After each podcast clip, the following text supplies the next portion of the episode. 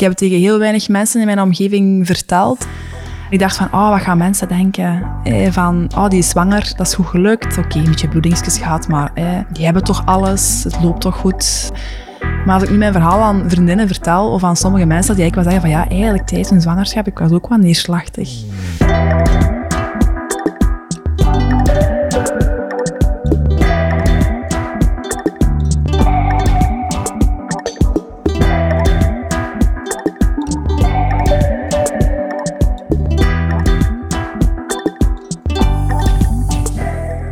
Hallo, Casper en Liemke. Vandaag eh, hebben we nog eens een koppel in de podcast die hun verhaal komen delen. Het is misschien wel fijn voor de luisteraars ja, dat we beginnen met eh, een rondje voorstellen. Ik zal beginnen. Ik ben eh, Casper, de papa van Nel en de toekomstige echtgenoot van Liemke. Ik ben ondertussen 28 jaar. Ik ben jurist bij een, een grote verzekeraar. En ik probeer soms even te zwemmen als hobby. Oké. En papa van Nel. Klopt. Ja. En jij, Limke? Ja, ik ben dus Limke. Ik word dit jaar al 30 jaar. Um, en ja, ook mama van Nel dus. In toekomstige echtgenote van Casper. Um, ik ben ergotherapeut in een uh, psychiatrisch centrum. En ik ben vooral creatief bezig. En ik probeer soms wel sportief te zijn. Oké. De intentie is er. De intentie is er, ja. We verliezen veel tijd met denken dat we sportief zijn. maar dat is misschien ook gewoon doordat jullie nog een jonge dochter hebben. Niet altijd een evidente, of... Goh, dat is niet het enige excuus dat we kunnen verzinnen.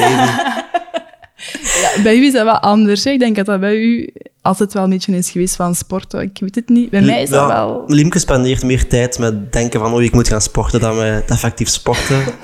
en ik uh, ja, zet me er gewoon niet aan toe, eerlijk gezegd. Oké. Hoe oud is jullie dochter?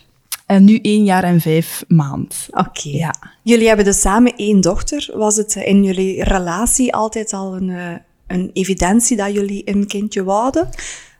Um, eigenlijk waren wij totaal niet lang samen toen wij dachten van oké, we gaan eraan beginnen. Ik denk dat we toen een jaar samen waren, maar ja, corona zorgt wel voor een versnelling in, in het denken daarin. Dus, en ik denk dat wij altijd wel vanaf het begin zeiden van we willen eigenlijk wel heel graag kinderen. Ja, en ik kon toen niet op reis gaan met een vriendin naar Vietnam voor drie weken. En we dachten, ja, wat doen we eigenlijk anders tijdens corona? Dus we dachten, kom, laten we een baby maken. en we dachten van, het gaat nog wel even duren. Maar uh, dat was niet zo, hè? Nee, het was er, het was er vrij snel. Ja. Het is ook wel bij ons beeld dat we hadden ons hoofd van we willen huisje, tuintje, boompje, kindje. En um, ja, dat is vrij snel gegaan, inderdaad. Ja, maar het, het voelde niet als te snel. Absoluut niet, nooit. Nee, nee. Ik, ik, was vooral eigenlijk bang van de reacties van onze omgeving. Want ook door corona hadden heel veel mensen Casper nog niet ontmoet. Ja. En dan moet echt zeggen, hallo, ja, dat is mijn nieuwe vriend. En ja, wij zijn ook zwanger. dus dat was eigenlijk wel eerder... Dat was eigenlijk meer een beetje... Uh, ja. ja. het moeilijk. Teken dat het goed zat ook. Hè. Zo ja. aan kinderen kan beginnen, dat, dat, gebeurt niet als je zo'n kwakkelrelatie hebt. Nee, dat is waar. Dat klopt. Ja, jullie woonden ook al samen op dat moment? Ja, klopt. Ja, zeker. Ja, ja met wel al enkele huizen uh, ja. Limke die verhuist nogal graag. Alleen vroeger toch. Uh, dat was eigenlijk jaar was een hobby of zo van mij vroeger. Ze houdt van kasten versleuren en bij elkaar steken. En je druk maken over welke kleren dat meegepakt moeten worden. Er liggen nog steeds kleren op de zolder van uh, de ouders van Limke. En de kasten zijn hier vol, dus die blijven daar liggen tot, tot iemand ze ophaalt. Zo waar. Oké, okay. uh, Limke, jij zei daar juist dat je dacht dat het wel eventjes ging duren. Wat maakte dat je dat dacht? Um, ja, in het normale proces denk ik dan duurt dat wel vaak zo een half jaar tot een jaar. Allee, horen zeggen ook van mhm. het kan wel even duren. En we dachten ook van ja, de natuur gaat niet ineens zeggen en nu uh, gaat het meteen lukken. Maar ja, dat was eigenlijk van een eerste keer prijs, dus dat was wel even verschieten. Maar ook wel goed, hè, achteraf bekeken. En ik denk van, op dat vlak dat ik wel zo vaak controle wil hebben. Mhm. En als het dan er zo niet komt, dat ik elke maand wel zou zeggen van, ah, oei. Dat dat wel een uitdaging zou kunnen geweest zijn. Ja, ik denk het wel. Ik denk het wel. Wat ook rekent, hè, van wanneer moeten we vrijen om meer kansen te hebben. Dus we waren ook al mee bezig geweest met, met apps en alle mogelijke manieren. Ja, klopt. Het voelde een beetje als uh, liefde op, uh, op een klok toen. Maar wat het ervoor over, dus... eh, En gelukkig is het dan uiteindelijk geen maanden Nee. liefde op, op de klok moeten zijn. nee, klopt, ja. Nee. Klopt.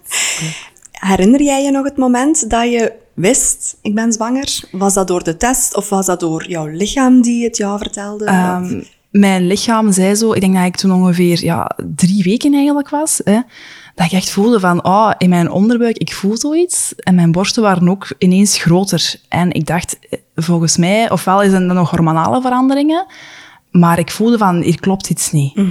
Ehm, dus er bestaan ook van die vroegtesten. Dus ik dacht... Je hebt ook op het werk die bloeddrukval gehad, hè?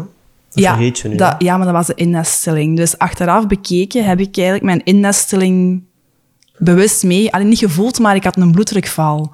Ehm, ik was eigenlijk toen eerst ik was aan het joggen. Nee, ik was aan het joggen. En ik kon niet meer. Ja. Dus normaal kon ik echt op die moment, was ik wel nog sportief, en dan kon ik echt zo makkelijk een uurtje aan een stuk lopen. En ineens na een kwartier ging dat niet meer. En moest ik echt naar huis gaan, maar ik zo aan het draaien was. En teruggekeken was dat eigenlijk het moment van de, de innesteling, denk ik. Ja. Ja. Dus ja, dan hebben we die vroegtest uiteindelijk gedaan. En dan was het al prijs, hè. Ja. Dus eh, ja. Wat was het eerste gevoel dat toen bij jou... eh, Limke was er niet bij toen dat de test Oh, eh, positief eh, kleurde. Dus zij heeft geplast en jij hebt hem gezien? Of... Eh Limke zat op het beneden en ik moest kijken. En ik heb het eigenlijk door de deur verteld dat ze zwanger was. Te- Dus jullie hadden wel samen beslist, we gaan nu testen? Dat wel, ja. Ja, dat wel, ja. Dus je hebt het gezien, Casper. Ik heb het als eerste gezien, ja. Ja. ik heb de eer gehad. Wat was uw eerste gedachte? Eh, ik, ik was blij. De, de, de paniek sloeg pas toe later, eerlijk gezegd. Ik was gewoon blij en ik had wel vertrouwen dat het ging lukken. Mhm. Dus ja, blijdschap. Oké, en bij jou, Limke? Ja, ik was ook vooral heel blij en verrast. En ik wou op die moment ook wel delen met mensen, maar toch houden dat zo'n klein beetje tegen.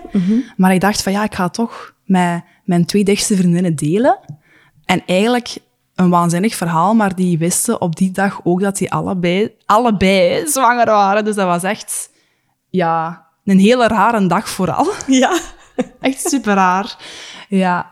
En toch zoiets zeggen van, "Goh, ik ga toch nog eens een test doen, zo binnen een paar uur, om zeker te zijn dat het zo niet vals alarm was. Eh, ja. Ik herinner me dat een van die vriendinnen skypte met Limke terwijl ze haar test deed voor haar zwangerschap. En dat Limke het eigenlijk eerst wist en dat ze op de achtergrond hoorde van, ehm, naar haar partner toe van, ah, ik ben zwanger, ik ben zwanger. Ik was eigenlijk Dus, de eerste, ja, ja. klopt. Amai. Ja, tweede kind wel, dus misschien is dat de excuus dan, hè, dat de partner iets minder betrokken was. Een soort fediver eigenlijk in, die, in dat gezin. Klopt. Dus ja. je hebt eigenlijk de zwangerschap van Nel beleefd, terwijl dat eigenlijk twee van jouw beste vriendinnen op datzelfde moment Ja, ook zwanger waren. Klopt, klopt. Oké, wel Ja. bijzonder. Heel bijzonder. Ja, Daar gaan we misschien ehm, strakjes verder op mm, dat ingaan, want goed. dat vind ik wel, Ja. kan wel een boeiende dynamiek geven, kan ik mij is- voorstellen. Ja, dat is waar. Ehm, ja, we gaan verder. Jullie hadden de positieve test, een paar uur later nog eens getest. ik veronderstel dat die test opnieuw positief klopt, eh, klopt. kleurde. En toen? Ehm, toen... wat was Toen hebben we negen maanden gewacht. En dan kwam daar een baby. En toen kwam daar een baby uit. Ja, ik, ik weet dat ik toen ehm, eigenlijk heel toevallig een week later naar een gynaecoloog moest gaan op eh, gewoon jaarlijkse controle. En ik dacht, ah, oké, goed, dan kan ik al eens kijken of er gewoon een, een vruchtzakje is of wat alles eh, oké is. En ik moest dat alleen toen doen, omdat Casper eh, ja, op weekend was met zijn vrienden. Dus Dat was al op voorhand gepland. Ja. En ik was- mocht niet zeggen waarom ik zou thuis blijven, dus... Ja. ja. dus dat was wel extra spannend om dat even alleen te doen.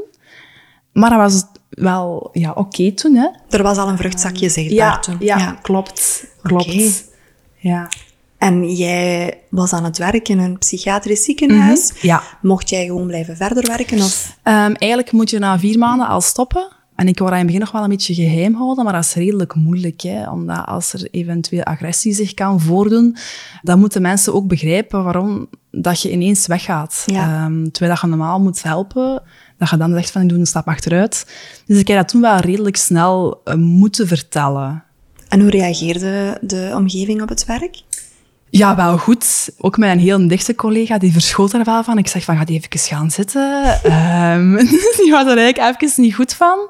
Maar ja, die waren allemaal heel erg blij, want die ook weten van, ja, dat dat wel een droom van mij is om echt mama te worden. Ja. Dus dat was wel ja, bijzonder. En bij jou, Casper, heb jij het vrij rap gedeeld met eh, mensen in jouw omgeving? Of is het... Ik heb het eigenlijk op weekend verteld. Oké. Da daar dan een weekend waar ik... ik, moest, ik moest het kwijt aan iemand en het was mij eigenlijk verboden geweest. Maar ik heb het dan verteld aan... eh, ja, dat is ook mijn dichtste vrienden die erbij waren. Ja. Er passeerde een kajak. We waren aan het fietsen langs de, langs de, de Semois, denk ik. En er passeerde een kajak van een vader met een dochter. Ja. En ik dacht, ja, ik, eh, ik moest het dan kwijt hebben. Ik verteld aan mijn vrienden. En bleek ik ook een dochter heb gekregen. Ja. Dus eh, het was een beetje een toekomstbeeld toen. Ja. Ehm, en die waren heel blij voor mij. Ook al verrast, want zij zijn nog lang niet zo in die stap van hun leven, van een relatie. Ja, want op zich, ik ben nu 28. Ja. Waren er inderdaad in de vriendenkring Nee, al geen- kindjes? Nee. Absoluut niet. Nee, Nee? nee, ik was de eerste. Oké. En ook nog niet in een leefwereld, nog niet bezig met kinderen, absoluut niet. Misschien nu ondertussen wel een paar koppels die het zo wat in het geniep toch al een beetje hopen en denken. Ja. Maar toen nog zeker en vast niet, nee. En bij jou, Liemke? Ehm, er zijn wel enkele vriendinnen met kindjes, maar sommige nog niet. Dus je ziet wel een beetje zo het verschil tussen... Ja, twee verschillen- kampen. Ja, klopt, de twee kampen. En dan denk ik van later ga dat nog wel snappen. zo. Later, als we op ons gemak zitten met oudere Ja. kinderen, kunnen zij nog met jengelende kinderen Klopt, rondlopen. dan gaan we echt gewoon neerleggen in een, een strandstoel of zo. De kinderen gaan aan het spelen zijn en... en Ja. Als we Ja. het helpen, roept maar, hè. Dat herken ik heel hard. Ja, ja, ik was zelf in de vriendenkring ook Ja, eh, heel jong mama in vergelijking met de vriendinnen. En ehm, dat is ook hetgeen wat dat mij altijd zo waar recht heeft gehouden. Want- maar op een dag zijn wij uit de pampers, slapen wij terug. En dan is het aan jullie. Ja, klopt. En dan gaat het snappen. Ja, en dan gaat het snappen, dan gaat het begrijpen. Ja. Ja. Maar dus eigenlijk, de vrienden hebben wel enthousiast gereageerd. eh, Ja, absoluut. ja. Zeker en vast. Zeker en Leuk, vast. ja. Ja. Het was corona toen. Was jij voor jouw werk van thuis uit aan het werken? Of ging jij wel altijd ook naar kantoor? Eh, thuis uit, volledig. Van thuis uit, ja. Ik ben ook consultant, dus ik, ehm, ik heb nieuwe collega's om het jaar. Dus ik heb ook geen dichte collega's waar ik twee moest kwijt geraken. Dus het was gewoon, ja, mijn vriendin is zwanger en daar stopte het ook. Ja. Oké. Ondertussen vliegt er hier een, een vlieg voorbij. Eh, wanneer hebben jullie het aan jullie familie verteld? Eh, wel, mijn papa die verjaarde eigenlijk. Ja, goh, hoe, hoe ver waren wij toen? Ja, acht weken of zo maar, denk ik. Zo. Niet super ver. En we dachten van, ja, eigenlijk is dat wel een ideaal moment. En dat is ook, ja, super typisch, hè. Die week daarvoor ineens maakt mijn mama mascarpone, allee, zo tiramisu, Tiramisu. en mascarpone in. Hebben die ineens zo een nieuwe fles wijn dat je moet proeven? Normaal doen die dat nooit. En ineens staan die daar met alle dingen dat je niet mocht eten en drinken. Dus ja, je kunt dat niet lang geheim houden. Hè? Dus dan hebben we dat verteld op mijn papa zijn verjaardag. En hadden we eigenlijk een kaartje afgegeven met daar de echo dan in. Maar dat duurde super lang voordat hij dat opendeed. Dat was echt, die hield echt zo wat spanning van. Echt, wat doet hij nu open? Allee, doe dit. Maar eh, ja, uiteindelijk waren die wel echt super blij. Ja, Was het Ja. het eerste kleinkindje ja, aan eh, ja, jouw kant? Ja, en zijn oogappel, hè, dat, eh, Ja. dat is echt ja, ongelooflijk. En hoe was het bij jou, Casper? Eh, bij mij zijn er, was er al één kleinkind en er waren nog twee onderweg. Zij kwamen er drie tegelijk, op en af. Dus ze hebben eh, een agenda gegeven dat ze kunnen plannen wanneer ze moesten babysitten. Ehm, Echt? Ja, echt Ja, waar. we Ze hebben een echt agenda agenda gegeven om in te plannen, want Ja. het werd druk voor hen, van 1 naar 4, als een, Ja. eh, een vierdubbeling. Ja. Dus ja, ze waren wel gewoon wat een kleinkind was. Ze waren daar bij natuurlijk. Dat- Ja, het eerste meisje wel, hè? Ja, Ja, dat maakt het wel speciaal. Wel, eh, Ja. ja. Maar dat wisten ze in de zwangerschap niet, of wel? We hebben dat wel verteld Ja. vanaf dat we het wisten. Want ik zou mij voorbij praten. Ik zou dat niet kunnen geheim houden. Dat is ook slim Ja. voor je portemonnee. Dan geven ze meisjeskleren en dan kunnen ze meteen al beginnen kopen en dan moet je minder kopen achteraf. Kijk, dat zijn hier gratis tips voor de luisteraars. Ja. Oké, dus jij hebt eh, broers, zussen? Ik heb een zus, ja. Een zus, Die was ja. ook met Liemke samen zwanger. Zij waren Ja. ze met vier Ja. samen zwanger. Ja. Ja. Oké. Ja. Vond jij het... ehm, ik kan me voorstellen, hey, Limke, jij was aan jouw kant, je hebt ook een broer. Ja, hè? klopt. Jij was aan jouw kant als enige Ja. van het gezin Mhm. in verwachting van een kindje. Mhm. Aan jouw kant van de familie Casper er waren er een aantal kindjes tegelijkertijd onderweg. Had jij het gevoel dat dat ook een beetje in de schaduw verdween dan? Omdat het niet alleen jullie... ehm, ja, dat jullie niet alleen in de kijker stonden? Ik had dat gevoel absoluut niet. Maar Limke kijkt eh, een beetje raar naar mij, dus misschien zij wel. Ik vond ook niet, als het zo was, ook niet per se iets erg. Want een eerste kleinkind wordt enorm geanticipeerd en wordt verwend. En, en, en hier was het meer als, als ja, het is, het is nog een kindje heel erg fijn, maar het is niet meer het grote speciale Ja. gebeurtenis, waardoor er minder ja, opgefokt rond werd Ja. gedaan. Dus ik vond dat niet per se een, een, een nadeel. Ja. Tenzij Liemke mij daarin tegenspreekt. Niet als een nadeel, maar ja, je voelt dat ook. Hè, van, van, bij mijn ouders was dat echt zo het enigste. En dan bij u was dat ook wel het vierde eigenlijk op die moment. Ja. Dus dan is dat iets minder bijzonder ook wel. Is dat daarom slecht? Goh, je weet nu, mocht Nel enig kind blijven, dat zou echt een verwend nest zijn. Denk vooral ook bij mijn ouders dan. Dus dat het wel goed is dat dat eigenlijk ook is van, kijk, er zijn ook andere neefjes en nichtjes en je moet samenspelen, leren delen. Dus op zich is dat ook wel iets positiefs. hè. Ook naar later toe is dat wel fijn, dat er familiefeesten zijn, dat die samen kunnen spelen. Dus ja, Maar dat komt bij je broer ook wel over. Als hij de juiste vindt. klopt. Maakt er vijf. Vijf. Oké. Dan gaat ook een agenda mogen kopen voor uw ouders. Jullie hebben eigenlijk de zwangerschap van Nel volledig beleefd in coronatijd. hè? Dus ik kan me wel voorstellen dat het dan Ja. vooral inderdaad de hele interne kring, vooral de contactpersonen waren die jullie zagen. Of Ja. had je ook ja, veel contact wel toch met vriendinnen en zo? Nee, eigenlijk was het vooral omdat wij ook wisten van ja, toen wisten ze nog niet bij een zwangerschap, wat doet dat eigenlijk met uw kind? Dat was ze nog niet geweten. Ehm, Als je corona zou krijgen. ja, klopt. Dus waren we er ook wel iets beschermender naartoe van, we moeten wel een beetje oppassen. Maar toen dat ik echt thuis was, was het echt de totale lockdown. Betekent dat wij in theorie mijn ouders ook niet mochten zien. Ja. Maar ik wou toch wel echt, ja, ik was heel de dag thuis. Ja. Van s morgens tot s avonds. Toch iemand zien. Ook al, Casper is ook wel goed, hè, maar toch zo nog een beetje andere contacten hebben. Ja. Ehm, ze hebben wel mijn ouders zo nog regelmatig gezien. Ik herinner mij ook dat veel mensen het lastig vonden en die begrepen dat wij het contact niet zochten. Dat mensen het niet begrepen dat wij voorzichtig waren. Ja. Omdat zij corona echt zagen als een door de weekse verkoudheid, wat ook een stuk is, maar toen was het nog heel onzeker en Ja, had het risico niet nemen dat Nel iets aan overhield. En sommige mensen begrepen dat ook niet goed, dat wij daarom hun niet binnenlieten. En dat we aan de deur bleven staan praten en pas van, ja, kom koffie drinken, iedereen doet het toch. ja. Daar herinner ik me ook nog wel, dat dat lastig was. Omdat... Ondanks dat zij wisten dat jullie zwanger waren. Ja, absoluut, ze, ze wisten het, maar, Ja. maar ze begrepen niet dat wij... Zo voorzichtig wouden Ja. zijn, ja. Hoe ging je daarmee om? Goh, ga ik daarmee om? Ik, ik heb me daar eigenlijk niet zo heel van aangetrokken. Het soms voel dat wel wrang. En je probeert uit te leggen ook aan hen, van waarom, doen- waarom doen we het? Ehm, maar ja, mensen, mensen hebben in corona heel raar gereageerd op veel verschillende maatregelen en ideeën. Dat is gewoon een heel, een heel conflictueuze tijd, denk ik. Dus eh, ja, Ja, blij dat het achter ons ligt. Voor een groot deel toch. ja hè? gelukkig hè, ondertussen. Ja. Ehm, fysiek gezien, hoe verliep die eerste trimester, eh, Limke? Ehm, ik had zo vooral last van zuur, zo oprispingen. Maar ik mag echt niet klagen qua fysieke symptomen, zeg maar. Mhm. Ehm, nee, dat was eigenlijk wel redelijk oké. Ik weet wel, normaal denk ik super graag koffie. En ineens moest ik dat niet meer hebben. En ik vond dat ook wel jammer. Ja. dat ik dat ineens niet meer kon drinken. ja. Dus dat een Maar beetje, geen ja. eh, grote fysieke... Fysieke ongemakken, eigenlijk ben ik er wel van gespaard gebleven. Oké. Ja. En hoe vond je die eerste trimester mentaal gezien? Ehm, op die moment was het nog oké. Ehm, enkel wel ehm, vanaf acht weken heb ik eigenlijk, tussen de acht en de twaalf weken, heb ik drie hevige bloedingen gehad. Dat we eigenlijk dachten van, van het is gedaan. Dat was echt heel, heel hevige bloedingen. Ja. Dus zijn wij ook wel meteen naar de gynaecoloog kunnen gaan. Want we hadden het geluk dat we daar naartoe mochten. En we dachten van ja, het is hier gedaan. Hè.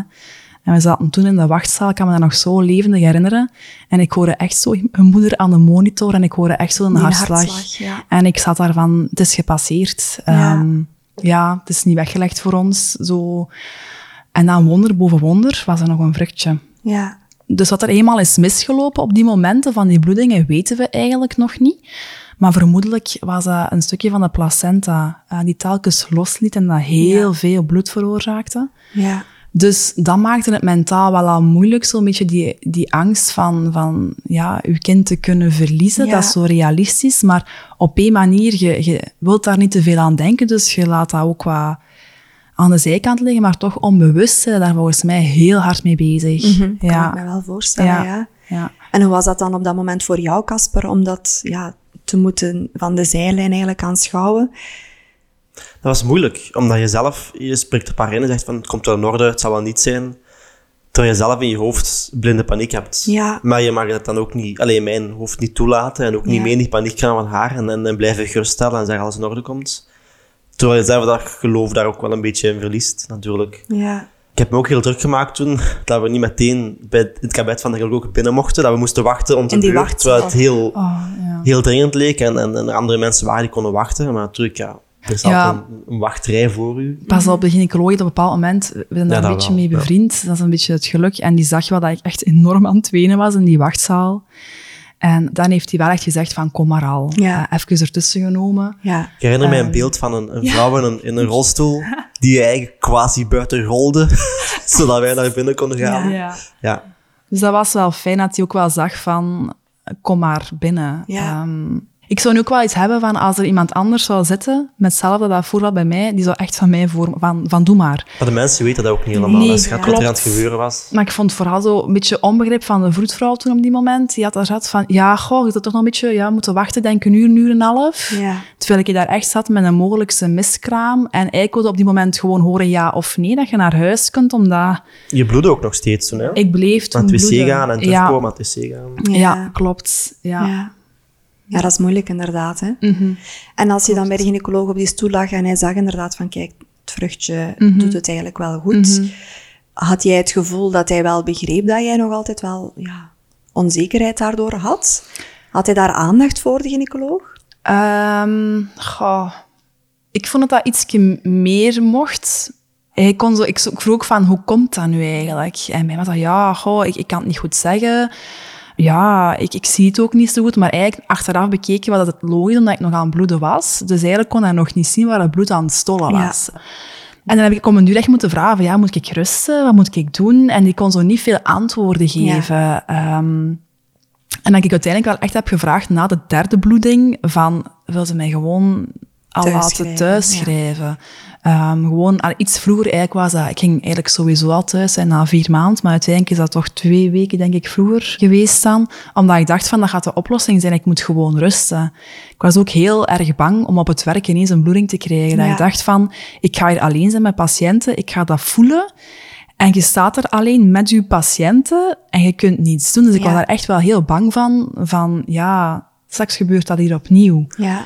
En daar heeft hij toen wel naar geluisterd, van oké, we gaan nu gewoon al thuis schrijven, dat je een beetje meer op het gemak kunt doen, maar ik wil dat je dan ook wel echt rust en niet dingen onderneemt. Ja. Ik dacht, ja, het is corona, veel kunt je Ja. niet ondernemen, maar oké. En had jij het gevoel dat er voor dat mentale stuk, Mhm. voor jullie allebei, dat daar aandacht aan besteed werd? Zeer weinig, hè, denk ik. Ja. Op die moment, ja. Dat was wel echt een, ja, een tekortkoming, klopt. Ja. En als, want jij mocht wel meegaan op de consultaties altijd, Casper? Ik moest beneden wachten tot het aan onze beurt was en dan mocht ik naar boven komen. Ja. Ja. Ja. Dus je mocht wel mee Ik mocht wel mee in de, in de, Ja. in de praktijk. Ja. Had jij het gevoel dat je ook gezien werd? Eh, in mindere mate, maar dat is ook logisch, denk ik. Omdat die mensen het ook heel erg druk hebben. En het moet vooral gaan om de, om de, om de zwangere vrouw. dus ik voelde mij toen niet geschaad in mijn, in mijn, in mijn persoonlijkheid. Dus dat niet, absoluut niet. Dat is vaak hoe dat inderdaad partners ja, redeneren. Ik snap dat ook wel, want ja, het gaat hier inderdaad om mijn vrouw. En zij heeft de fysieke klachten. Maar ehm, ja, ik denk dat er nog altijd minstens evenveel aandacht ook mag zijn naar die partner.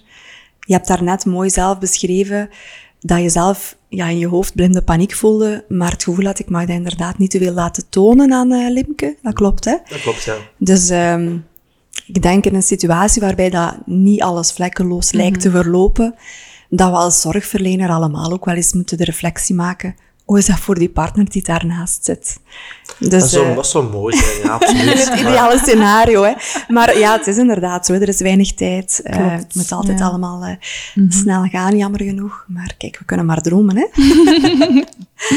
Ehm, je bent dan twee weken vroeger thuisgezet, Limke. Gingen de bloedingen, stopte die dan? Eh, uiteindelijk zijn die na drie bloedingen gestopt. En ik wist ook wel van, ja, als het nu nog eens gebeurt, oké, het zal wel niet zo erg zijn, maar toch... Je hebt ja, ook veel gerust toen gewoon. Hè? Dus er was minder aanleiding tot bloedingen. Hè? Je hebt Ja, niet rondgewandeld, je hebt tv gekeken en af en toe Ja. gaan maken. Ook meer. Ja, inderdaad. Eh, Dus die zijn wel gestopt. En dat was ook wel een geruststelling. Ja. Ehm, maar hij had dat ook verwacht, de gynaecoloog, Ja. van die placenta gaan naar omhoog gaan en ik denk dat het dan gaat stoppen. Ja, dus hij had het vermoeden dat hij nog een deeltje voor die baarmoeder al lag op dat Ehm. ik moment? denk het. Ja. Ja, ik denk het. En dat daardoor die bloedingen eigenlijk werden uitgelokt. Ja, ja. oké. En hoe verliep de zwangerschap verder van eh daaruit? Ehm, Eigenlijk, ja, na die bloeding, denk ik vanaf maand 4, 5, denk ik, ben ik een beetje beginnen kampen met angsten. Hoe die juist zijn gevoed geweest, eigenlijk totaal geen idee. Maar ja, bij een zwangerschap horen slapeloze nachten, eh, minder slaap. Ik was ook voor alles enorm alert. Dus elk klein geluidje, ik ving alles op. En dan probeer ik echt oordoppen, alles, om toch maar te kunnen slapen. En had jij het gevoel dat je slapeloze nachten had doordat ja, dat je hoofd, je hersenen niet tot rust konden komen? Of gewoon omdat jij je fysiek niet moe voelde? Ehm, ik was fysiek best wel moe. Maar ik denk dat er veel onbewust aan het gebeuren was. Eh, Hoe het kwam, geen flauw idee. Maar ja, ik, ook een beetje opgezocht natuurlijk. En dan, dan lees je wel van dat je lichaam zich voorbereidt op de slapeloze nachten met je kind. Dus ik dacht van oké, ja, je bent gewoon alerter. En, en daardoor slaapt je ook minder. Maar ja, uiteindelijk werd dat echt wel een enorme angst, paniek om, om niet te kunnen slapen. Denken Ja. van, oei, gaat dat voor dat kindje gevolgen hebben? En werd die angsten ook altijd maar groter en groter. Ja. En is dat iets wat dat je voor jezelf herkende van een periode vroeger in je leven bijvoorbeeld, voor de zwangerschap van Nel? Ik heb wel in mijn jongere jaren ook een slaapstoornis gehad. Als in ook niet kunnen slapen. En dan werd dat om een uur ook al echt van, oh nee, ik moet wel gaan slapen binnen drie, vier uur en het gaat weer niet lukken. Ja, en, ja. Dus ik werd wel opnieuw terug meegenomen naar die periode. Ehm, en blijkbaar zeggen ze ook als er angsten zijn, dat die eigenlijk worden gevoed door zaken van in het verleden. Ehm, dus ja, ik wist het allemaal wel. Ja. Maar ehm, natuurlijk, ja, je staat daarvoor en dan moet je daar even door. Het loste het probleem niet op. Nee, dat nee, je wist klopt, dat het, eh, klopt. wat het was. Ja. En is dat iets wat dat je deelde met Casper op dat moment? Dat je die angsten voelde? Ja, ja. Die heeft eigenlijk volgens mij ook wel mee slapeloze nachten gehad, omdat ik zo... Klopt. Ja, uiteindelijk waren dat echt ook paniekaanvallen, dat ik eigenlijk in slaap aan het vallen was. En vlak voor ik in slaap viel, werd ik echt al roepend wakker. En Ja. trillend. En trillend wakker. Ja. En dan... eh, Dan werd ik ook gewekt. ja, dan waren je ook gewoon wakker mee. En dan, dan had ik ook wel iemand nodig die ja, even mij daarin ondersteunde. En achteraf bekeken is dat een heel zware belasting geweest, voor Casper ook. Maar ik, ik kon niet anders. Ik heb eigenlijk echt de eerste weken geprobeerd van, om het alleen te doen, zeg maar. hè. Filmpjes kijken, van die meditatie-apps. Ook om een duur aromatherapie. Maar dan had ik dan gezien van, ah, dat mag eigenlijk niet als je zwanger bent. Zo, dus manieren zoeken om tot rust te komen, om die paniek niet te krijgen. Maar ja, Homeopathie heb je ook geprobeerd. Homeopathie. Van die kamille-druppels en zo. dat Ja, maar dan moet je dan ook opletten tijdens de zwangerschap bij sommige zaken. Dus ja, dat was eigenlijk Casper de enige die aan mij toen een klein beetje kon kalmeren. Ja. Dus ik had hem toen wel heel hard nodig. ja. Wat had jou geholpen in jouw jonge jaren om uit die slaapstoornis te geraken? Eigenlijk heb ik toen plantaardige druppeltjes genomen en dat was voor mijn hoofd voldoende om... Ja. Ja, ja dat, af, ay, dat ging toen na een tijdje gewoon vanzelf weer Ja. beter. Dus ehm, ja, gewoon die rust, eh, Ja. dat ik gewoon zo'n een druppeltje kon geven. Ja.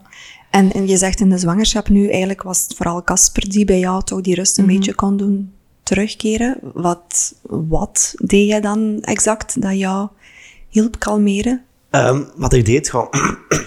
Liemke maakte me dan eh, meestal wakker als, eh, als die kon slapen. En dan, dan... Ja, wat deed ik? Wij, wij, ik probeer daar gerust te stellen van... Het kindje voelt niet dat jij niet slaapt. Dat is geen probleem. Je kan gewoon rustig verder slapen en praten over wat, wat zijn droom had, waar ze wakker van schoot of iets dergelijks. We lazen ook veel in die periode over slaapproblemen. Had ze boeken gekocht, online gelezen. En eh, wat je dan best kon doen, zoals meditatieoefeningen, is naar beneden gaan, gewoon gaan wandelen, water gaan drinken. We hebben veel menig nachten beneden op de zetel om een uur of drie nog gelegen om daar in slaap te geraken. Ja. We zijn ook heel vaak s'avonds voor we gingen slapen, om een uur of elf, tien, nog gaan wandelen in de buurt. Zou ook Ja, geholpen hebben. Ehm, maar het is heel veel inpraten op haar gewoon en, en met haar spreken en erover over praten om het minder zwa zwaarwichtig te maken dan het in het moment was. En dat was lastig natuurlijk, want, want je voelde ook heel dag de anticipatie van oei, wat gaat vannacht weer zijn? Ja. En ik ging slapen met het idee van kom, het gaat wel komen deze nacht, maar dan lukt het toch weer niet. Ja. En zo is het eigenlijk een cirkel, omdat ze dan in paniek sloeg over ik moet slapen voor mijn kind. Maar doordat ik er in paniek over sla, slaap ik niet meer. Ja. dus klopt. bleef het wel in, in, in stand houden op die manier. En is het iets wat dat jullie konden delen met de gynaecoloog of, of een andere zorgverlener? Uh, die gynaecoloog inderdaad, die wist er wel van, maar die had daar precies zo niet heel veel kennis over. Die had daar nog niet zoveel meegemaakt. Dus daar kon ik zo niet echt mijn ding kwijt. Dus ben ik wel langs mijn huisarts gegaan. Uh, maar die begon eigenlijk zo'n beetje, ja, met een, een bepaalde 5G-opdracht. Ik weet niet of mensen dat kennen. Ja. Dat je eigenlijk een bepaalde gebeurtenis hebt. Wat zijn de gedachten, de gevoelens, het gedrag, de gevolgen. Um, maar ik dacht, ja, ik weet het wel. Hè? Nu dat op mijn werk ook en ik ken het. Maar, ja. maar om het in mijn praktijk toe te passen, ja, dat is ook Dat is het probleem ook. Hè? Je doorziet wat ze mm proberen doen. Hè? Mm -hmm. Dat is het grote probleem. Je weet wat erachter schuil gaat en daarom doe je het niet op de juiste manier. Mm -hmm. Want je weet wat ze willen horen en wat ze, wat ze niet willen horen. Klopt. Dus, ja. Dus je analyseerde eigenlijk misschien net iets te veel. Ja. Ze zag fout in hoe dat ze het aanpakte, dus dan, dan, dan werkt het ook niet. Ja. Nee. Je gaf zelf daarnet aan, Casper, dat jullie toch wel een beetje in een visieuze cirkel terechtkwamen. Wat heeft jullie uit die cirkel kunnen halen? Of, of ja? Uh, dat is vooral een vraag die, die, die Liemke moet beantwoorden, vind ik. Ik ben gewoon blijven inspreken op haar en proberen blijven haar die hoop te geven. Van, kijk, er komt een einde aan, dit blijft niet duren. En dan, dan, ja, dan hebben we oplossingen proberen zoeken natuurlijk, want blijven stilstaan was geen optie en we moesten een oplossing vinden, mhm. want het, het, was niet meer houdbaar op de duur. Mhm. Ja, dus uiteindelijk um, heb ik dan wel de stap naar een psycholoog gezet. Mhm. Voor mij is dat ook helemaal eigenlijk geen taboe, omdat dat wel mensen zijn met kennis van zaken. En eigenlijk is dat maar een gesprek met iemand. Klopt. Dus die heeft mij wel echt wekelijks ook begeleid. Mhm. Ehm, en dan ja, wat tips ook meegekregen van probeer toch een beetje in uw dagschema, zeg maar, een beetje structuur te gieten. Want tijdens corona, ja, ik was echt wel heel vroeg thuis. En in het begin denkte oh, super, tof, echt zo lang thuis zijn, kei tof, ja. Maar je kon ook niets gaan doen, want met corona was alles dicht. Dus eigenlijk worden echt, ja, enorm geïsoleerd. Ja. En ik wou dingen gaan doen. Ik dacht, ah, vrijwilligerswerk. Maar ja, het ging niet, ik was zwanger en corona. Ja. Dus ja, ik wou echt een daginvulling. Dus uiteindelijk ook een, een dagplanning opgesteld. En ja, die wekelijkse bezoekjes dan gebracht bij de psycholoog. Uh -huh. Maar op een bepaald moment werd het wel echt nog extremer. Heel, en dan hebben we eigenlijk wel de hulp inderdaad van een psychiater in, in Europa. En dan is er eigenlijk een hele lichte medicamenteuze ondersteuning geweest. En dat is eigenlijk wel echt de, de oplossing geweest voor mij. Um, ik was ook wel heel angstig van, gaat die medicatie iets doen voor het kind? Maar dan zeiden ze van, ja, nee, echt, er zijn al heel veel onderzoeken naar gebeurd. Um, vroeger moesten ze ook langer in het ziekenhuis blijven met het kindje, maar de dosering is eigenlijk zo, zo laag, mm -hmm. dat het eigenlijk totaal niet schadelijk is. Achteraf bekeken denk ik altijd nog wel zo van, ah, bijvoorbeeld Nel stapt zo iets later als andere kinderen. Oh, komt dat door de medicatie dat ik heb genomen of zo? Stom, hè? Eigenlijk weet dat dat niet is. Dat is niet stom, maar begrijp maar, wel die angst. Ja, ja, ja. uiteindelijk wel is dat mijn, echt mijn redding geweest. Ja. ja. Maar het was wel een moeilijke stap, als ik het goed hoor, om toch die medicatie ja, klopt. te nemen. Klopt. Maar ook de redding geweest. Ja. Maar ook de redding geweest. Dat is voornamelijk het gevoel, denk ik, dat je geholpen werd. Ja. ja. Los van een gesprek alleen, maar ook door iets mm -hmm. anders. Ja. Dat je niet in de hand hebt, ja. volledig zelf. Ja. Want de medicatie moest maar pas binnen werken na een paar dagen. En, en je voelde eigenlijk de dag ervoor al, al een verschil, omdat je, je voelde je geholpen en dat is, dat is belangrijk. Ja, dat is inderdaad dat is zo, zo waardevol. Hè? Ja, klopt. Je wordt echt gehoord. Hè? Ja. Mm -hmm. Gelukkig, gelukkig dat je ook die stap hebt genomen. Ja, ik had ook wel echt een heel goede psychologe, die ook wel zag van oké, okay, we moeten nu wel een stapje verder doen. Ja. En dat is echt wel de redding geweest. Van ja. Gewoon voelen van, oké, okay, het gaat al niet zo goed. Die stap aan maken naar een psycholoog. Stel, het wordt erger, dat er wel ergens al iemand is die mee aan de allee, alarmbel kan ja. trekken, mocht het echt erger worden. Ja. Want ik weet nu ook al, mocht er ooit een tweede kind komen, ik ga gewoon, denk ik, om de twee, drie weken al eens langs gaan, gewoon puur van, stel, mm -hmm. hebben wel die ondersteuning daarin. Ja. En ja, dat vind ik wel, wel en wel goed om te hebben eigenlijk. Ja, die preventieve aanpak is zo, ja, uh, zo waardevol. Hè? Klopt, inderdaad. We hebben in een zwangerschap, ja, zelf als vroedvrouw is dat toch zo. Je leert heel veel over het fysieke stuk. Ja, idealiter zou ik het zien dat we evenveel aandacht ook hebben voor dat mentale mm -hmm. stuk van die ja. uh, aanstaande ouders. Hè? Hoe beleef je alles? Hoe voel je je daar nu bij? Ja. Ook al gaat alles fysiek perfect, kan mm -hmm. het nog een, een heel moeilijke periode zijn. En als je in de zwangerschap al begeleid wordt en gehoord wordt en erkend wordt in hetgene wat je voelt en doormaakt, mm -hmm. ik denk dat dat zo waardevol is voor uh, hoe dat je ja. aan het ouderschap effectief kan mm -hmm. beginnen. Hè? Ja, ja ik, ik had ook nog niet echt iemand gehoord die dat tijdens de zwangerschap zo um, angsten had. Of ook, ja, de, de ja, soms mensen die dan ook eigenlijk echt zeggen van ik voel me neerslachtig tijdens een zwangerschap. Ik had dat nog van niemand gehoord. Dat wordt niet verteld. Dat is het probleem. Daarom is de podcast zo waardevol. Ja, wordt- en daarom wil ik ook mijn verhaal brengen van... Mocht ik op voorhand geweten hebben dat er nog mensen waren, Ja, dat dan ik niet dat- alleen was, ja. je denkt dat je echt helemaal alleen bent. Ja. Maar eigenlijk is dat niet. Iedereen maakt iets door tijdens de zwangerschap. Daar ben ik Ja. zeker van. Ja, dat is een super transformatief proces Maar dat leven. vertelt niemand. Nee, omdat dat is iets... Dat, dat denk ik alles van mij en dat gebeurt enkel bij mij. Ja, of ik denk dat sommige mensen wel de eerste stap proberen te zetten, maar doordat het door een omgeving niet altijd herkend wordt, want ja, er is een kindje onderweg, het is gezond, dus Ja. alles moet toch oké zijn, wordt er vaak niet op ingegaan, wordt, er Nee. niet, wordt het niet opgepikt van, oei, die mama of die papa, die heeft het precies toch wel lastig emotioneel Ja. gezien. Misschien moeten we eens even verder vragen hoe dat het echt gaat. Dus ik kan mij wel voorstellen dat sommige mensen het wel proberen uit te spreken, maar als je dan zo wat bot vangt, ja, Ja. dat niet altijd een evidente is, wordt ook wel altijd gewoon beschouwd hè, als een, eh, het moet maar een roze wolk zijn en je moet maar blij Ja, zijn dat er een kindje onderweg zijn. Ja. En zij blij dat je zwanger kunt worden. Ja, maar hè, het was want snel sindsdien- gelukt. Ja, hè, en ja. Zo, ja. Alsof je dan geen reden mag hebben om eh, het Nee. lastig te hebben. Maar inderdaad, dat is in de, de bedoeling van deze podcast, hè, Casper.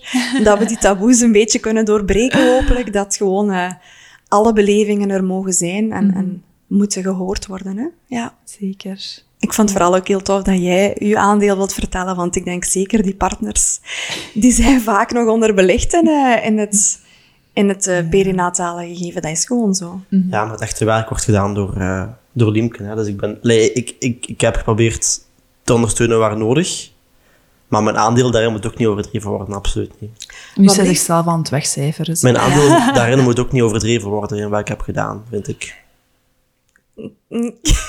Limke knikt ja, van nee. nee. nee. Ik, ja, ik kan dat niet voor jullie invullen natuurlijk, maar ik denk dat je vooral voor jezelf niet mocht onderschatten hoe belangrijk het is dat je gewoon die partner was die er was voor haar.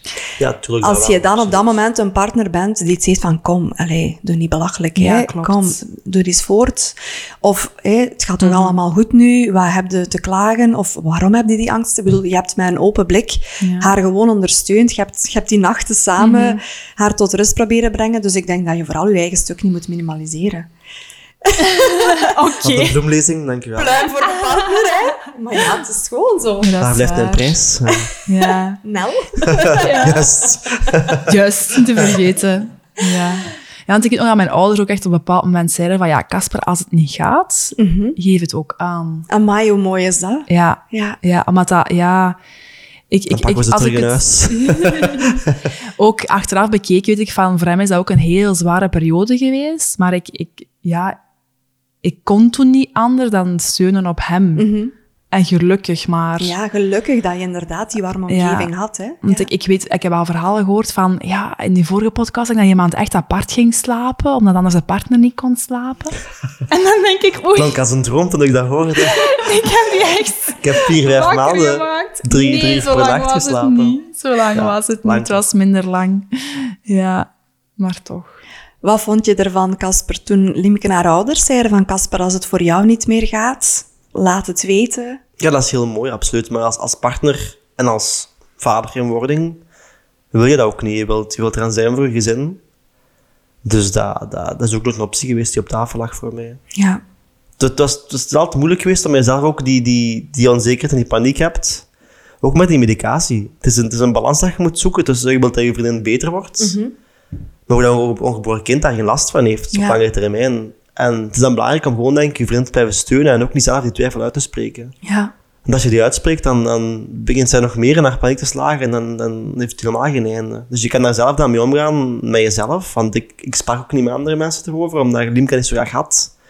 Dat je deelde met andere mensen. Dus dat was soms wel lastig.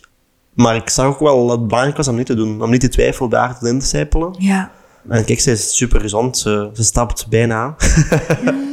ze spreekt al een paar woorden, dus er is helemaal geen impact geweest. En ook, ik ben geen dokter. Als dokters zeggen van het mag, dan Ja. moet je daaraan vertrouwen. Ja. Nu achteraf te horen van dat hij het met niet zoveel mensen mocht delen, dat denk ik ook van, oei, eigenlijk is dat wel heel streng van mezelf geweest. Dat is niet streng, dat is normaal. Het is, het is, Maar het is zo'n dogma erop op rust Ja. dat dat heel moeilijk is om... om Vooral het is niet dat- mijn plaats om het dan te vertellen in uw plaats. ik dacht toen ook van, ah, ik heb het tegen heel weinig mensen in mijn omgeving verteld. Die weten er ook niet van. Ook ja, corona, je komt sowieso al niet veel buiten, dus je ziet ook niet veel mensen. Nee. Maar ik dacht van, oh, wat gaan mensen denken? Eh, van, oh, die is zwanger, dat is goed gelukt. Oké, een beetje bloedingsjes gehad, maar eh, die hebben toch alles, het loopt toch goed. Ja. Ik was wel een beetje bang voor die reacties, zo. Ja. Ja. Maar als ik nu mijn verhaal aan vriendinnen vertel, of aan sommige mensen, die ik wel zeggen van, ja, eigenlijk tijdens een zwangerschap, ik was ook wel neerslachtig. Ja. Er Ehm, zijn er heel veel. Dus ja. als je je verhaal zelf deelt, dan komt het wel. En er is eigenlijk wel altijd wel heel veel respect voor. Dus ja, nu voel ik wel van die openheid is er wel meer dan toen ik dacht Ja. Ja. in tijdens de zwangerschap. Ja. En kijk, voilà, je helpt nu ook mee taboe te doorbreken. Casper, als jij nu terugdenkt aan die periode, ik kan me ook gewoon wel voorstellen dat dat echt wel niet evident moet geweest zijn voor jou. Je wou je inderdaad sterk houden voor Liemken en die angst niet, die jij zelf had niet laten doorcijpelen bij haar, om haar angsten niet te voeden, als ik het goed hoor. Maar als jij dan nu daar zelf op terugkijkt, zou het jou kunnen geholpen hebben dat jij bijvoorbeeld ook eens psychologische ondersteuning zou gehad hebben, of dat het jou aangeboden zou worden? Dat is een moeilijke vraag. Ehm, ik kan van mezelf wel wat hebben. Maar natuurlijk altijd het gevaar van dat je dat niet beseft en ineens de klap komt. Dat wel. Maar ik, ik, ik, ik denk dat ik misschien wel dat zo op tijd zou kunnen inschatten, hoop ik dan. En ik was nog niet op dat punt gekomen. Ehm, ik voelde me nog weerbaar genoeg om het op mezelf rond te krijgen. Ja, Ik zou ook niet denk dat, de angst hebben om, het, om, om, om, ehm, om die stap te zetten. Dat niet. Ik denk als het nodig was, had ik het gedaan, maar het, ik kon het wel nog hebben op die moment. oké. Hoe was het verdere verloop dan van de zwangerschap? Je had dan die medicatie, je had die psychologische ondersteuning. Dus eigenlijk vanaf als die medicatie was opgestart, was ik wel veel rustiger. Mhm. Ehm, als ik dan moest gaan slapen, was wel eventjes altijd een paniek van oei, gaat het geven? Maar eigenlijk liep dat altijd wel redelijk goed. Dus dan was het toch wel ietsje meer genieten. Er was ook zo de kerstperiode, allee, ehm, nieuwjaar. Dan kon ik dat toch wel allemaal iets bewuster meemaken. Dat was wel fijn. Ja, dan konden we zo aan de voorbereidingen beginnen. Dus ehm, dan kon ik me creatief bezighouden Ja. met zo een mobieltje te maken voor Nel of de doopsuiker te maken. Ja. Dus dat was wel nog een oké zwangerschap uiteindelijk, achteraf. Ja. Hoe is de bevalling verlopen? Super snel. ik moest eigenlijk op controle gaan bij de gynaecoloog. En eh, we moesten even terug naar huis gaan, want hij was aan bevalling gaan doen. Dus ik ging dan terug en die zegt, ja Liemke, je hebt al drie centimeter en een half opening. Ehm, ja, ik ga u toucheren, of hoe noemen ze dat? Ja. Strippen. Streppen, ja. dat zal waarschijnlijk dialectwoord zijn voor, voor Nee, streppen. touche- bij toucheren kan je inderdaad voelen hoeveel centimeter Ja? er is. Strippen is effectief een handeling die ze kunnen stellen als er al voldoende opening is van die baarmoederhals.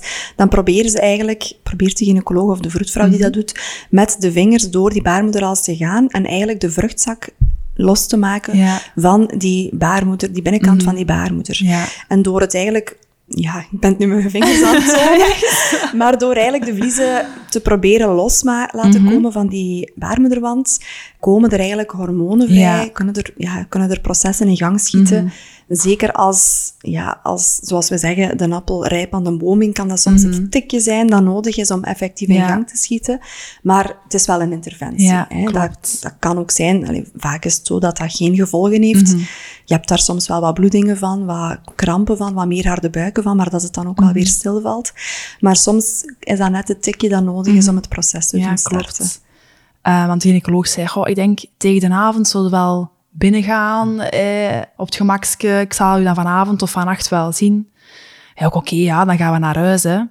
En ik begon ineens super veel honger te krijgen. Maar Mhm. echt, ik heb echt zoveel gegeten. Ik Kipcurry, echt- dames en Kipcurry en echt broodjes. En ah, ik bleef maar eten. Ik zeg, allee, wat is dat nu?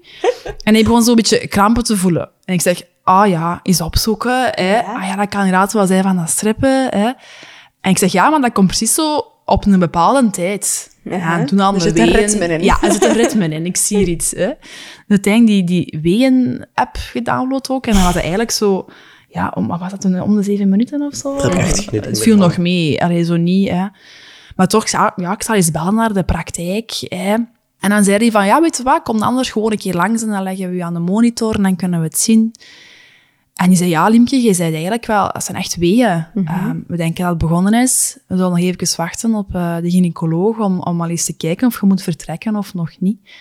En die voelde opnieuw en die zei, ja, je hebt al vijf centimeter. Ja. Dus je mocht stilletjes aan vertrekken. We hadden dan wel onze spullen bij, maar zo niet nagedacht van, oei, straks gaat mijn water misschien breken in die auto. en ik zo, ja, moeten wij iets meegeven van doeken of zo voor in die auto? Ehm, en dan zijn wij vertrokken naar het ziekenhuis, hè. De gynaecoloog zei nog van, oh, lap. Ik heb een wachtzaal voor mijn mensen. en het gaat veel te snel. Wacht nog een beetje, Liemke. Ja, ja, ja, klopt. We zijn vertrokken naar het ziekenhuis. Onderweg heeft Liemke voornamelijk geklaagd over mijn rijstijl, die niet anders was dan anders. Maar Ehm, ik, na- ik nam blijkbaar te veel, te veel drempels op de baan. Ja, Ehm, herkenbaar. Ja, maar niet veel, voor veel zijn die putten Ja. in de weg zoveel dieper. En ik had eigenlijk totaal niet echt last van die weeën. Allee, ik voelde dat wel, maar dat was niet zo super pijnlijk op die moment. Maar in die auto, je kunt je niet houden. Nee, je kunt En niet dan veel voelde bewegen. dat. En dan pakt die putten in die weg. die waren dacht- daar gewoon altijd al geweest. Ja, Dat putten. is ook een omleiding echt. wel, dus dat is ook wel Ja, een ander boerenbaantje dat we namen. Veel geluk dat we eigenlijk Geen in de verkeer. file We moesten naar. Antwerpen de tunnel door, dus dat, was, Ja. eh, dat anders kunnen aflopen. Dat is altijd spannend, hè? Ja. Oké, aangekomen in het ziekenhuis. Ja, aangekomen in het ziekenhuis en ik wou absoluut geen rolstoel. Ik ging galant een rolstoel halen, het werd geweigerd, zoals stappen. Ja, ik dacht, eh, hallo, een rolstoel. Dat gaat wel. Het had veel rapper kunnen gaan op die manier. Ja, ik maar wilde het niet. En dat was eigenlijk gewoon zo, af en toe een stapje doen, even tegen de muur gaan staan en even gewoon, oké, en we gaan verder.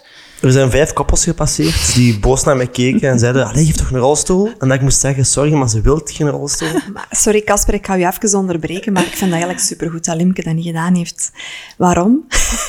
Een vrouw die in arbeid is, die kan dat vaak niet verdragen om te moeten stilzitten. Nee. Ehm, Ja. Mhm. Hetgene wat dat je lichaam je aangeeft, gaat geweest zijn, stappen en inderdaad misschien even stoppen om die wee op te vangen. Ja. En dat is eigenlijk super slim dat je daarnaar geluisterd hebt. Mhm. Want het is die zwaartekracht die ook helpt om dat hoofdje goed te laten Ja. Mhm. aandrukken, om die ontsluiting vlotter te laten verlopen, dat dat hoofdje op de juiste manier in dat bekken kan indalen. Maar de, Dus- de blikken van de mensen, Evie. Maar ik, werd, ik, werd, ik werd doodgesteld met mijn ogen. trek het u niet aan. Die dachten, allee, dat, dat die niks halen voor dat meisje. Ze of weten niet meisje. Nee.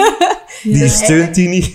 Dus het is eigenlijk echt Ja. super slim dat je gewoon je lichaam gevolgd hebt. Want Mhm. een vrouw die volop in arbeid is, kan dat vaak niet goed verdragen. Nee, ik wilde niet zitten gewoon. Nee. Ja. Dus eh, laat de mensen maar denken op dat moment. Ze kon veel niet goed verdragen toen ze in arbeid was. Dat was haar goed recht, hè? Ja, klopt, Ja, absoluut. voilà. absoluut. Mijn werk Voilà. zat erop. Ja. Uw werk zat erop. Oh ja. Blah. Ja. Ja, en dan waren we uiteindelijk aangekomen en dan... We moesten onze handen wassen. Ja, ik dacht-. Echt. Ik zei aan twee, moet ik hier nu echt even ja, je handen maar wassen? En dan dacht ik, oké, ja, dat moet met corona, maar is het nu de moment om je handen te wassen? Maar oké, ja, dan doe je dat allemaal, hè. Eh, ja. Dus en dan toegekomen, dan had ik eigenlijk al zes centimeter ontsluiting, dus dat ging eigenlijk wel heel vlot. En dan stellen ze de vraag van, jij wil de epidurale of niet? Maar eigenlijk, ik moet allebei al zeggen, ik was eigenlijk toen nog redelijk kalm. Die weeën, ja, je voelt dat wel, maar dat was niet zo super intens. Maar ik dacht, ja, ik zie hier gebeuren als ik op 9 of 10 centimeter kom en dat super hard pijn begint te doen. Dat gaat waarschijnlijk te laat zijn om het nog te steken. Dus ik dacht, Je hebt geanticipeerd. doe maar. Ja. Ehm. dus dan de anesthesist kwam binnen en die zei van, ga je dat nu echt doen? Je bent zo zo kalm kalm. wordt, ja. Kunnen niet gewoon... Hè? Ik zeg, nee, nee, doe maar. Dus ja, en dan op de kamer, ja, dan moet een beetje wachten. En dan hebben we nog Suits We gekeken. hebben goed gekeken, ja. Maar, Maar je weet niks van de aflevering Niets meer. weet ik van die aflevering. Niets, ja. Ja, en dan is het eigenlijk wel redelijk vlot allemaal gegaan. Hè. Dan komen die opnieuw nog eens kijken van hoeveel centimeter ontsluiting is er. Ah ja, het kan zijn dat uw vliezen misschien breken. Die, ja, die waren dan gebroken. Een heel goede vroedvrouw. Amai, super. En ik, ben, ik vind het zo jammer dat wij haar naam niet weten. Ja. Want ik ben echt nog merciekjes gaan brengen naar in dienst. Van ja, dat is voor die vroedvrouw dat met mij heeft gestaan, maar ik weet niet wie het was. Maar zo jammer, maar dat was echt... Ja, die mondmaskers en Maakt het ook heel moeilijk. Ja. Ja, Maar dat eh, een, een, een vroedvrouw is op dat moment zo belangrijk, hè? ja, echt waar. Dat was zo fijn. En die legde ook alles heel goed uit. Want vlak Gelukkig. voor... Ja, maar gewoon vlak voor ik ook moest beginnen persen... Ik begon ineens zo schrik te krijgen van... Oké, de moment is hier. Stel, dat loopt hier mis. Ik heb zoveel zenuwen. Ik begon ook te bibberen voordat ik moest beginnen. Ja. Want die moment is daar, hè. Negen maanden naartoe geleefd. Ja. En dan komt daar zo een klein meisje aan. Ja. ja. Dus, eh, Ja. ja. En wat heeft jou toen geholpen om toch te zeggen, oké, ik durf, ik durf ervoor gaan? Het moest, hè? Ja, Het moest was, en eruit, hoe- wat deed die vroedvrouw dat dan zo helpend was voor jou? Ah, ik weet het niet. Die, die, die gaf gewoon bevestiging van het is echt normaal dat je nu zenuwen hebt. Dat is echt oké en we zijn bij u. En gewoon die bevestiging van het is normaal Ja. dat je stress hebt nu. En, eh, Ja, die bracht echt rust. Dat ze binnenkwam ah, altijd. echt altijd. waar. En die is echt ook veel langs geweest. Klopt. En zo op momenten dat het nodig was. Ja. Allee, Goed. ja, ja. Fijn. Echt waar. Dan eh, was je effectief aan het persen. Ja, Is dat klopt. vlot gegaan? Ik denk dat wel, hè. Dat is slot gegaan, ja. Het is, een beetje een wazige periode. Ik denk 20 minuutjes. Zoiets, ja. Dat is voor een eerste kindje gemiddeld gezien heel vlot. Ja. Ja, ja, is dat gegaan? Ehm, ja, en ik weet nog, tijdens de bevalling, super stom, hè. Maar ja, de gynaecoloog, ja, je moet dan wachten hè, op een nieuwe wee hè, om, om, om te persen. Maar ik, ik wist dat niet. Als je zo kijkt op tv je ziet een bevalling, is dat precies zo heel de tijd. En je ziet zo niet die tussenpauzes daartussen. Dus, hè. En ik zie niet als de gynaecoloog zo een beetje naar beneden kijken. Zo, die was eigenlijk gewoon aan het wachten. En ik tegen de Kasper achteraf, ik zeg, allee, die was nu allemaal op zijn gsm aan het scrollen. Hoe onbeleefd is dat nu eigenlijk? Het is nu toch niet tijdens een bevalling? Maar dat mag totaal niet, hè. Dan moet alles moet steriel zijn. Dus ik dacht echt dat hij tijdens de bevalling gewoon op zijn gsm aan het scrollen was. later thuis vanavond. Dat hij zo van naar beneden aan het kijken was, ja. Ja, dus dat, echt, je denkt rare dingen tijdens Ja. een bevalling. Ze. Echt, ik steek dat epidurale verdoving of zo. Die opmerking heb ik nog nooit gehoord. Ja, super raar, hè? Ja, ja. Dus eh, ja, en dan, dan was er, hè. Ja. Klopt. Eh, en ik ben ook wel blij. We hebben toen gevraagd aan eh, de vroedvrouw van we een paar foto's Ja. En die hebben we nu, dus daar zijn we wel Leuk. heel blij mee. Spijtig van de maskers wel. Jammer ik van Ja. die heel maskers daarop, maar we, we hebben dat wel. Dus ik vind dat wel echt een echt mooie foto. Ik dacht van, oh, je hebt dat nog wel gedaan. Ja, ja, de Dus vroedvrouwen moeten dat vaak doen. Ja, echt waar. Een Heel fijn. Ook soms denk ik, ja, Casper, je moet aan de andere kant gaan staan. En ja.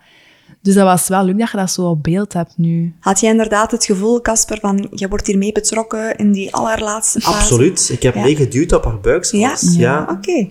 Dat mocht van de gynaecoloog. En kon jij dat verdragen? Ja, Ze zei tegen mij dat ik harder moest duwen. Amai. Maar ik terwijl mijn hand al... Je voelde de contractie zelf niet door de ik voelde epidurale. Ja, Mijn hand voelde- stond in haar buik en ik moest nog harder duwen. Ik dacht, zelfs maar zit ik door je, door je middenrif. Ja. En ik was de afspraak in mijn van, ja, je gaat niet gaan kijken, hè. Ik wil het niet, hè. Ik Mhm. ben gaan kijken. En de gynaecoloog zei, allee, Casper, het staat supermooi, kom maar eens kijken. En dan keek hij zo van, ma, ik zeg, het maakt me niet meer uit. Het is echt geen gêne niet meer. Het is wat het is. En hoe Ja. was dat voor jou? Leuk. Ik vond het echt leuk om te zien dat mijn dochter geboren werd. Ja. Absoluut, ja. Dus ik ben blij, ik ben mooi gaan kijken Ja. uiteindelijk. Ik snap ook niet dat mannen het niet willen doen. Dat vaak mannen zeggen, ik wil dat niet gezien hebben, want dan achteraf is het verpest voor mij. Nee. Het is zelfs meer geworden voor mij dan het was ervoor. Oh, zo mooi. Super raar, maar oké. Nee. Nee, het, waar. het heeft een, Dat is ex- een extra functie Ja, gekregen, dat, voilà. dat iets heel liefdevol, iets heel mooi Ja. is, iets heel waardevol is. Ja, absoluut. Hè? ja. Dus je hebt Nel zien geboren worden. Ja. Het is ze direct op jouw borst mogen gaan liggen, Limke? Ehm, zij is direct op mij komen liggen, maar ze is toen redelijk snel van mij weggenomen, want ik ben toen enorm beginnen bibberen. Ehm, ja, ik had zo'n beetje een bloeddrukval. De placenta wou toen ook niet meekomen. Dus die hebben ze dan handmatig moeten verwijderen. Dus dan was ik wel blij dat ik epiduraal had genomen. Ja. Want eh, anders dan, ja, bestond de kans dat Kan je wel eens. Ja. Ja, Onder narcose. onder dan, narcose Ja. dat moet laten verwijderen. Dus ik had er wel echt geluk dat ik dat toen had, had gedaan. Wel. Mhm. Dus die periode daarna weet ik niet zoveel meer van. Omdat ik eigenlijk ja, gewoon een beetje... Allee, ik was niet weg, maar toch wel weg. Allee, Ja. zo, dat. Dus eigenlijk heeft Casper zo vooral op hem gehad in het Ah, ja, dat wil ik vragen. Als ze bij jou wegging, Ja. is ze dan gewoon rechtstreeks Ja. naar jou Ja, ik gekomen? ben uh, bovenlijf bloot. En, eh, Super. mijn dochter bij mij genomen. Voilà. Ja. Ze was wel in de war, Nel, want ze begon ook bij mij melk te zoeken. ze kwam van de kale reis thuis. Ik heb dan ook gevraagd aan de, aan de vroedvrouw en de gynaecoloog, is dat normaal om te doen, moet ik die wegduwen, laten doen? En de gynaecoloog zei zo heel, heel kortweg, ja, ja, doe wat voor je het beste lijkt. Daar heb ik geen goed antwoord op, zei het, Ja, dat, heb ik- ja, ik. ja, dat zei Ja. inderdaad. Dus ik, ja, heeft gezocht en niet gevonden.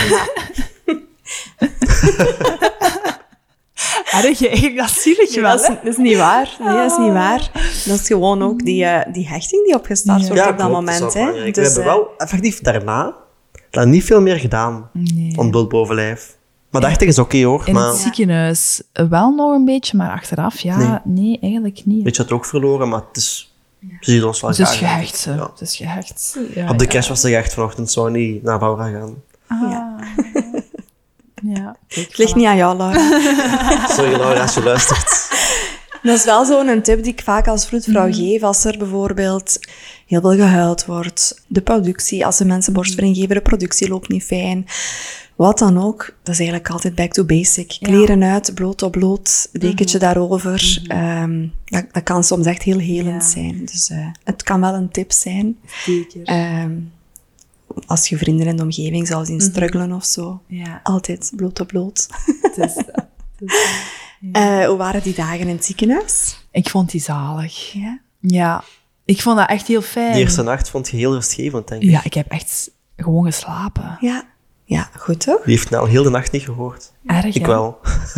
Ja, ook raar eigenlijk, hè? want ik zou denken, je slaapt super onrustig of zo. Maar Casper zei ook toen van, rust maar wat, ik zal het wel op mij nemen, ik heb genoeg gewerkt.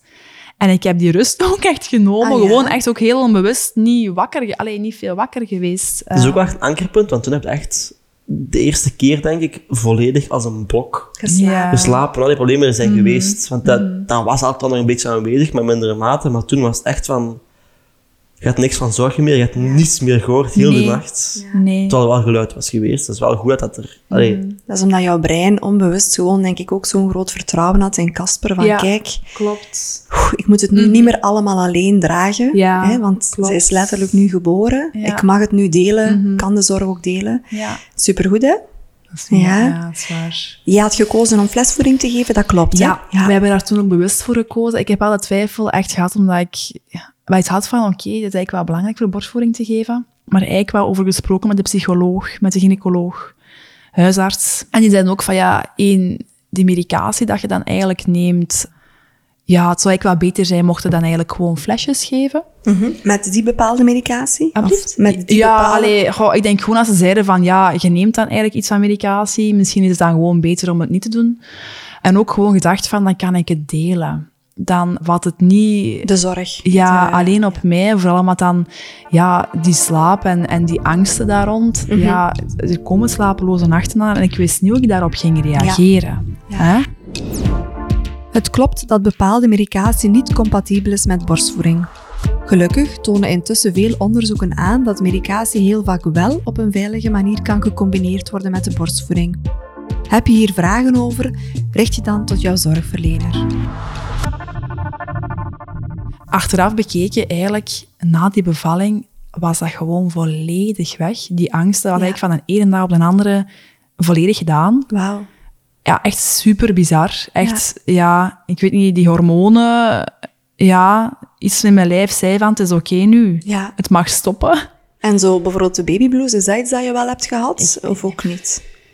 Niet dat je Nee. bijblijft, nee. Nee, ja, dat is zo echt precies zo'n periode geweest. Dan die zwangerschap is heel zwaar geweest van, En nu daarna is het was het klaar. Eh, Ja. Dat was het gewoon volledig. ja. Oké, ja, wel die onzekerheid van, doe ik het goed en is het... Maar ik vond dat vooral heel zalig. Ook in het ziekenhuis, gewoon dat genieten met drie. Zo. Ja. Ik vond dat heel intens en fijn. En er mocht toen niemand van bezoek komen, maar op die moment vond ik dat ook oké. ja. Jullie Ja. eigen kokonneke. Ja, en dat komt nooit meer terug. Nee, Dat was eigenlijk de enigste moment dat we echt met ons drie zo intens hebben beleefd. Dat je ongegeneerd kunt knuffelen en niks doen, hè? Ja, klopt, klopt. En je loopt daar rond, ja, f- alle vongewassen. eh, Maakt niet en uit. maakt echt allemaal niet uit. Nee. Want, Nee. Ja, Hadden jullie samen met de psycholoog of de vroedvrouw Mhm. een postpartumplan opgemaakt? Van, vooral omdat er angsten geweest waren in de zwangerschap. Van, hey, jullie komen van het ziekenhuis naar Mhm. huis. We plannen preventief een afspraak in Mhm. zoveel weken na de geboorte bijvoorbeeld. Of, Nee, weet jij dat nog? Ik, ik, ben wel, ik ben wel nog bij de psycholoog eens geweest. Achteraf bekeken, denk ik. Maar dat was volgens mij niet op voorhand ingepland. Ik denk dat dat eigenlijk vooral was omdat toen die medicatie er was, was ik veel rustiger. En ehm, zijn die afspraken met die psycholoog ook verminderd, omdat het toen beter ging. En dat zij toen zei van, oké, kijk, ik ga nu voor de bevalling maken achteraf, maar laten weten hoe het is geweest. Ja. En eigenlijk eerder die afspraak vanuit, ik wil even laten zien wie mijn Ja, kindje ja. is. Dan zei die kon toen nog meenemen. Dat ging toen, hè. Dan, dan slaapt hij overal, hè. Dus heb ik ja wel even gewoon nog eens hallo gaan zeggen. Ja. En het gaat goed met mij. En ook met Nel. Ze Maar dat was de enigste het kan dat ineens keer. verdwijnt. Ja, Dat is ook wel voorspeld dat het ineens weg gaat zijn. ze hadden dat eigenlijk verwacht. Ja. Super raar, want die zeiden van... Ze gaat geboren worden en dat gaat volledig weg zijn. Ja. Van een dag op de andere. Ja. Blij voor jou. Ja, ik was ook wel heel blij. Want ik was ook wel bang voor stel dat er na de geboorte van Nel alleen nog iets zou zijn. Aan het denken van ja, straks ook nog eens een postnatale depressie. Of ja, maar Omdat die die zaken bestaan, omdat die ja. zich verder zet. Of ja, daar was ik wel een beetje bang voor. Maar ja, dat was helemaal het geval niet, hè. Goed. Nee, ja. Ik vind het altijd fijn om zo de aflevering te eindigen met een complimentje voor jezelf. Maar ik vind het misschien wel leuk dat jullie nu eens een compliment aan elkaar geven. Oei. Wie bijt de spits af? Maar je bent zo goed met woorden, hè. Dat is niet waar. Jawel. Dat is niet waar. Ehm, ik denk vooral een compliment van, van, van... Ik denk dat Casper een enorm goede papa is. Dus ik vind het heel mooi hoe hij met Nel omgaat. En hoe hij die combinatie ook, dat hij nog zorg blijft dragen, ook voor mij. Ja, En ik denk ook van, vooral ja, tijdens de zwangerschap, een enorme steun die ik heb gehad, dat dat niet zo vanzelfsprekend is. Ja. dat is mooi. Zij ging compliment maar mee van, Ja, dank, u, dank u wel daarvoor. Ja. ja. Dat is mooi, dank je. Ehm, om even weggaan, wat met mentale weg te gaan. Ik vind het straf hoe dat jij pijn kunt verbijten. Je hebt ook al door je leven last gehad van, van je rug en van, van alles en nog wat. Ehm, en ik ben een heel, een heel kleinzerig type. En de anesthesist heeft ineens verbaasd dat je die pijn kan verbijten tijdens de weeën. Dat vond ik al heel straf. Ik dacht, nou ja, dat is die van ons. die, die, kan daar, die kan daar goed tegen. Dat zelfs de, de dokters in het ziekenhuis verbaasd met haar pijngrens. Ja, Dat vond ik heel erg straf. Ja. ja. Oké, fijn. Is er nog iets wat dat jullie graag willen toevoegen? Ehm, ik denk gewoon dat het heel erg belangrijk is als er tijdens de zwangerschap, of eigenlijk zelfs voordat je zwanger bent, of achter de zwangerschap, ja, ietsje is dat je denkt van, goh, ik voel me toch niet 100% of niet oké, dat wel oké is om ook een stap te zetten, misschien eerst naar ja, een perinataal coach of een huisarts, of iemand gewoon dat het oké is om hulp te vragen en dat het zoveel kan doen. Dat het eigenlijk geen taboe is en dat het oké is om er met mensen over te praten. Ja. Ik zou dat vooral meegeven. Maar over alles praten, ook over die, die bloedingen. Ja. En, en miskraam, toch geen miskraam bleek te zijn, dat wordt niet gedeeld. Waardoor dat je als koppel, als dat je overkomt, in blinde paniek slaat en niet rationeel denkt van, ah ja, het is bij, zus, wel, bij die ook gebeurd of bij die ook gebeurd en, en het is dat gebeurd en, en er zijn oplossingen voor of... Het is niet het einde van de zwangerschap per se. Ja. Dus gewoon eh, babbel met vrienden en familie over wat er gebeurt in de zwangerschap en wat er is misgelopen. Zodat zij dat ook kunnen gebruiken als houvast als er ook iets gebeurt. Dat vind ik een mooie. Ja. Dat vind ik een mooie. Mag ik jullie heel hard bedanken, Casper en Limke, Ja, om jullie verhaal te delen. Ja. En heel veel succes met Nel. ja, dankjewel, dankjewel. Ben jij zwanger en wil je je graag goed kunnen voorbereiden op de geboorte en alles wat daarbij komt kijken? Dan wil ik je graag laten weten dat ik binnenkort mijn online geboortecursus lanceer. Ben je benieuwd? Neem dan contact op zodat ik jou op de wachtlijst kan plaatsen, om als allereerste op de hoogte gebracht te worden. Je kan de podcast nog steeds steunen door je te abonneren en een review te plaatsen. Deel de podcast met iedereen die hier iets aan zou kunnen hebben en vergeet me niet te taggen.